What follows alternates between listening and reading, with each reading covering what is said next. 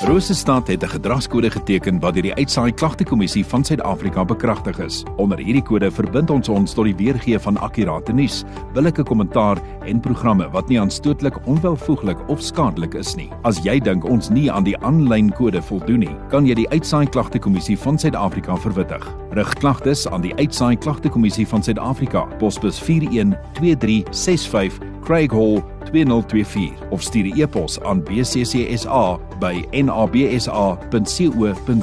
Vir verdere inligting, besoek www.bccsa.co.za.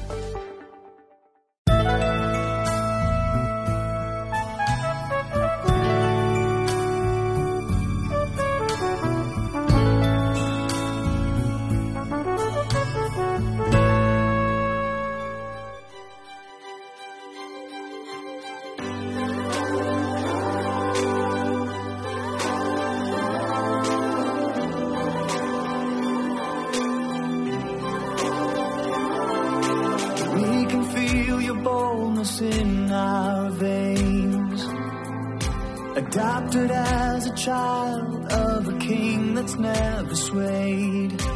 We can feel the power of your name. Rising through the chaos, drowning all our shame.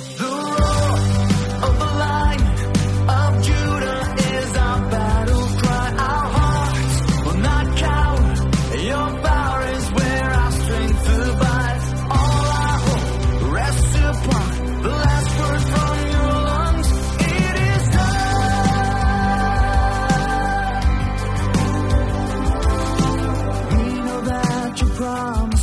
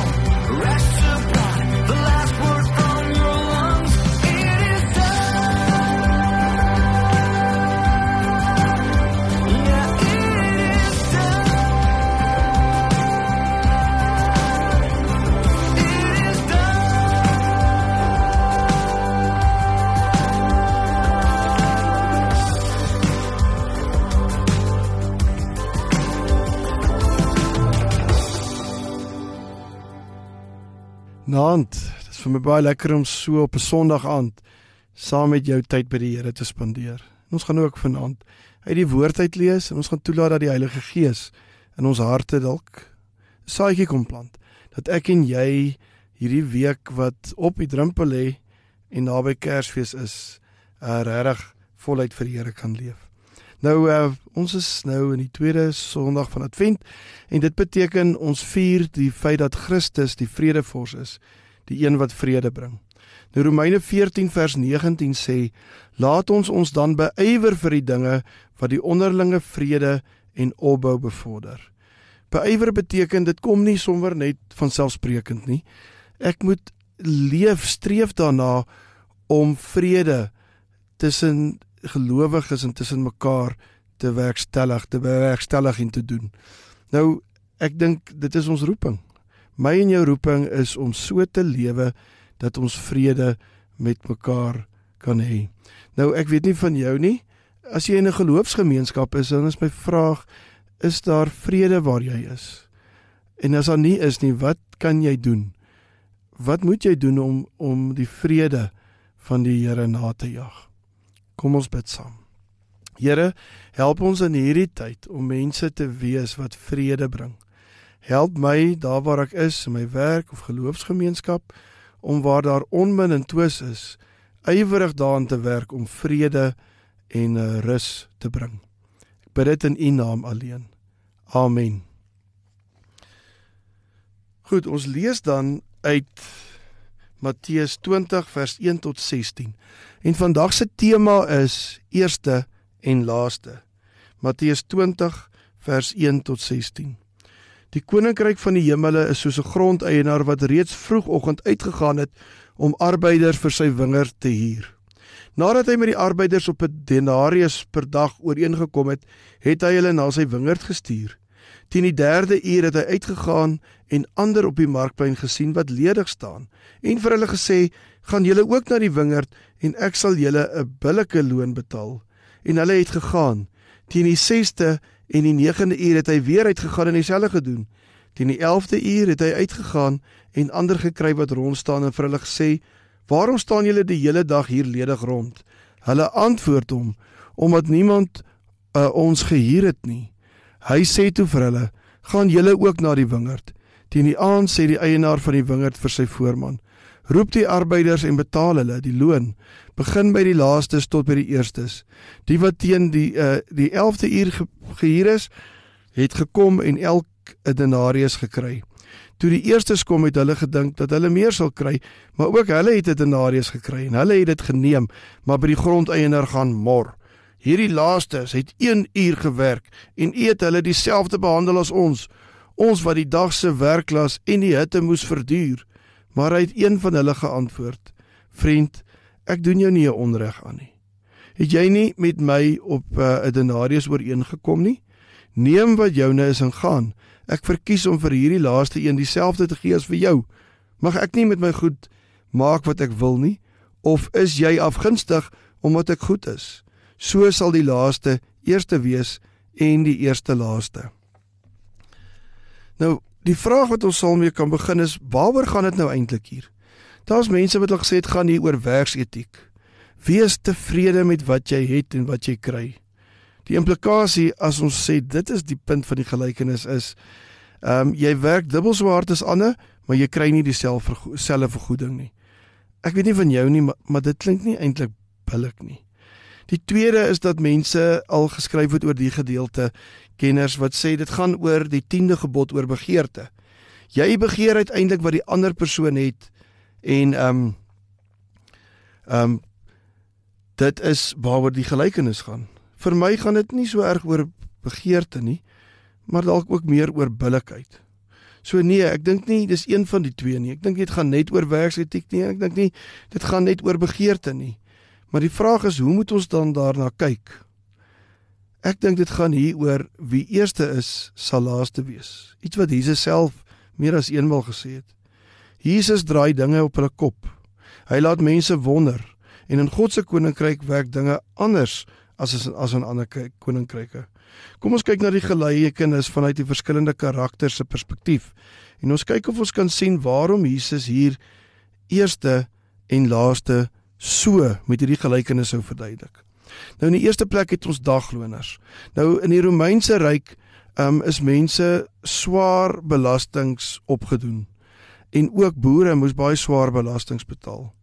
As hulle dit nie kan betaal nie, dan vat die Romeinse ryk eenvoudig hulle plaas of hulle grond en dit was eintlik teen die wet wat die Here ingestel het waar die Here gesê het dat elke 50 jaar met die jubeljaar ehm um, uh dat die grond aan die oorspronklike mense teruggegee moet word. Hoe dit ook al sê, die Romeine het nou nie hulle veel daan gesteer nie, dis wat hulle gedoen het.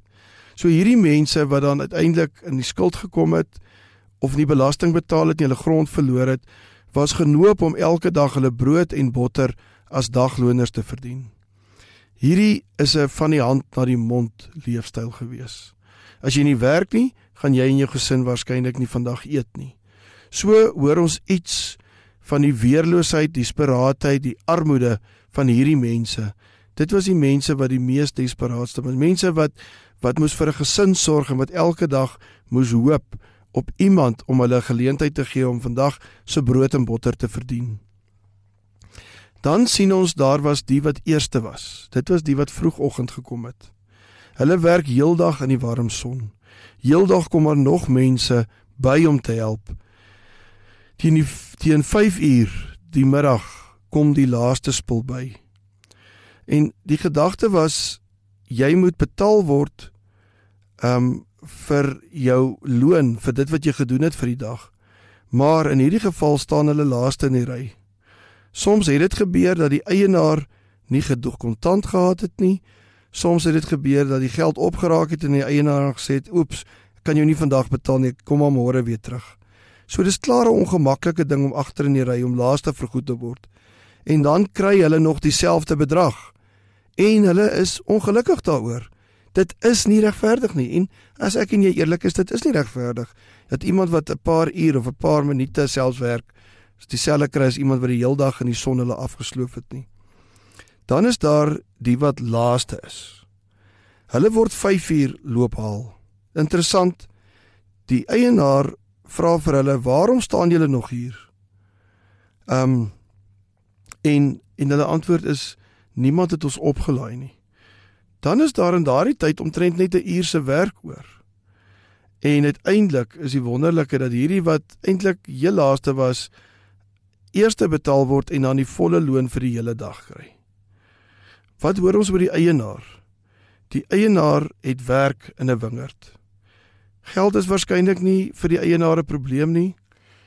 En hy voel dis eintlik nie onbillik wat hy doen nie, want hy gee almal wat hulle ooreengekom het.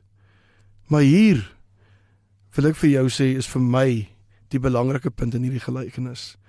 Dagloners het minder geraak soos die dag verloop het. Die meeste sou hierteen middagete dan verkas het. Want dan gaan jy in elk geval nie veel werk of veel geld kry nie. So hoor dat die oggend vroeg, as daar 'n klompie mense en nie by middagete as niemand opgelaai het nie, dan sou jy waarskynlik huis toe gegaan het. Want dan is daar nie veel werk oor nie. Nagskofte was ook nie 'n opsie nie. Hulle kon nie in die nagte werk soos ons partykeer op plaas en so deesdae met ligte en goed kon werk nie. En diegene wat dan 5 uur nog daar rang rondgehang het, was desperaat. Hulle was die mense wat in groot nood was. Hulle is die mense wat die geld die meeste nodig gehad het. Die feit dat hulle daar is, sê vir my, sê vir jou, hulle was absoluut uitgelewer. Kom ek sê dit anders.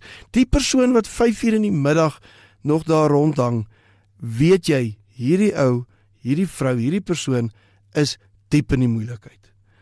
Is baie desperaat dat jy nog 5 uur daar rondhang met die hoop dat iemand jou net ietsie sal kom gee of uit die nood uit sal help. So dit gaan nie oor die werk wat gedoen is nie. Dit gaan oor die barmhartigheid van die eienaar. Want die uitgeworpenes, die siekes, die wat desperaat is en in die moeilikheid is, dat hy hulle nie net kon los nie, maar dat hy hulle gevat het en besef het al het die ander gewerk, hierdie ouens wat 5 uur nog daar staan, dis die mense wat dit die nodigste is. Daarom vir God is die wat laaste is eerste. Dit klop met 'n klompie ander goed. Dit klop met die gelykenis van die 99 skape en die een wat afgedwaal het in Lukas 15. Dit klop met Matteus 19 vers 12 waar Jesus sê ek kom eintlik vir die siekes en nie vir die gesondes nie. Matteus 19 waar Jesus moeite maak met die kinders wat voorheen nie belangrik was nie wat gehoor is en nie gesien moes word nie. Die feit dat Jesus met tollenaars en met ander sondaars meng het aan die gevestigde Joodse raad en die leiers uh, uh gewys hoe hy vir hulle omgee en hulle kon dit nie lekker aanvaar nie. So wat sê dit vir ons, vir my, vir jou? Dit klink onbillik, hierdie gelykenis. Totdat ek en jy die een is wat 5 uur op 'n middag staan en nie weet hoe gaan ons ons kinders kos gee nie. Lees bietjie hierdie gelykenis vanuit die perspektief van iemand wat 5 uur op 'n middag laatmiddag staan en wag dat iemand jou kom help wat nie kan huis toe gaan en jou kinders en jou vrou in die oë kyk en sê my skat my kinders ek het nie iets nie. Dit wys hoe desperaat hulle was. Ons as kerk ek en jy as gelowiges behoort altyd die mense wat swaar kry eerste te stel. Dis hulle wat eintlik die denarius die geldjie nodig gehad het dis hulle wat die swaarste kry God se hart is vir die uitgeworpenes het God se hart vir die uitgeworpenes behoort ook my en jou hart te wees.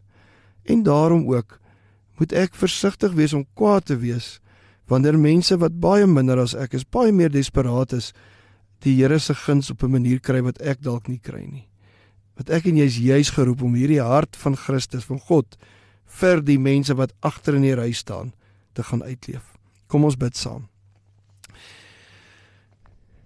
Here, help my deur die gees om nie heeltyd in die ry te wil indruk en eerste te wil wees nie.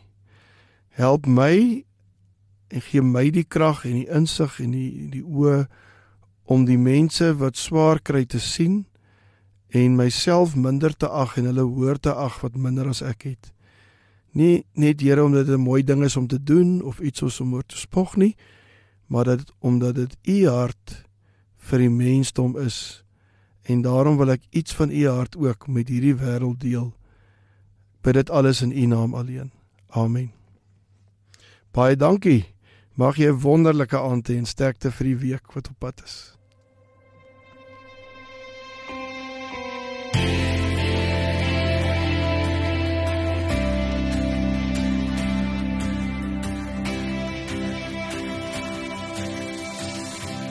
Ek sal by U staan, my Heer.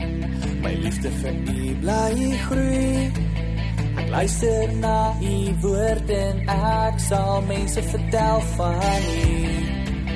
Al loop ek in die straat met U naam teen my bors. Sal waaraan ek vashou want U het my verlos. Sondes is vergewe met deur Jesus.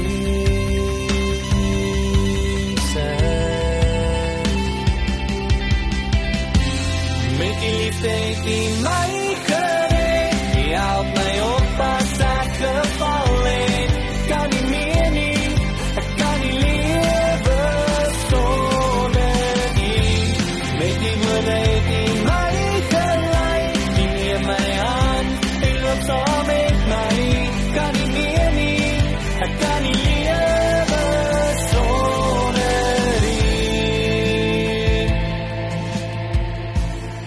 sal wees soos U my vra. Dit is enkel vir U my Heer. Geloof, hoop en liefde is wat U vir ons wil leer. En ek sal by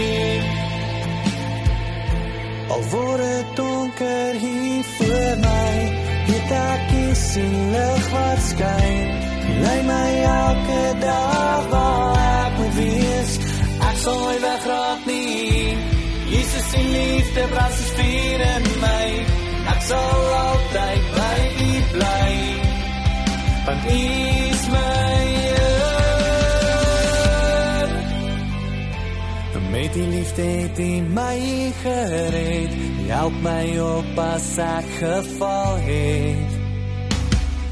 Kan nie meer nie, ek kan nie lewe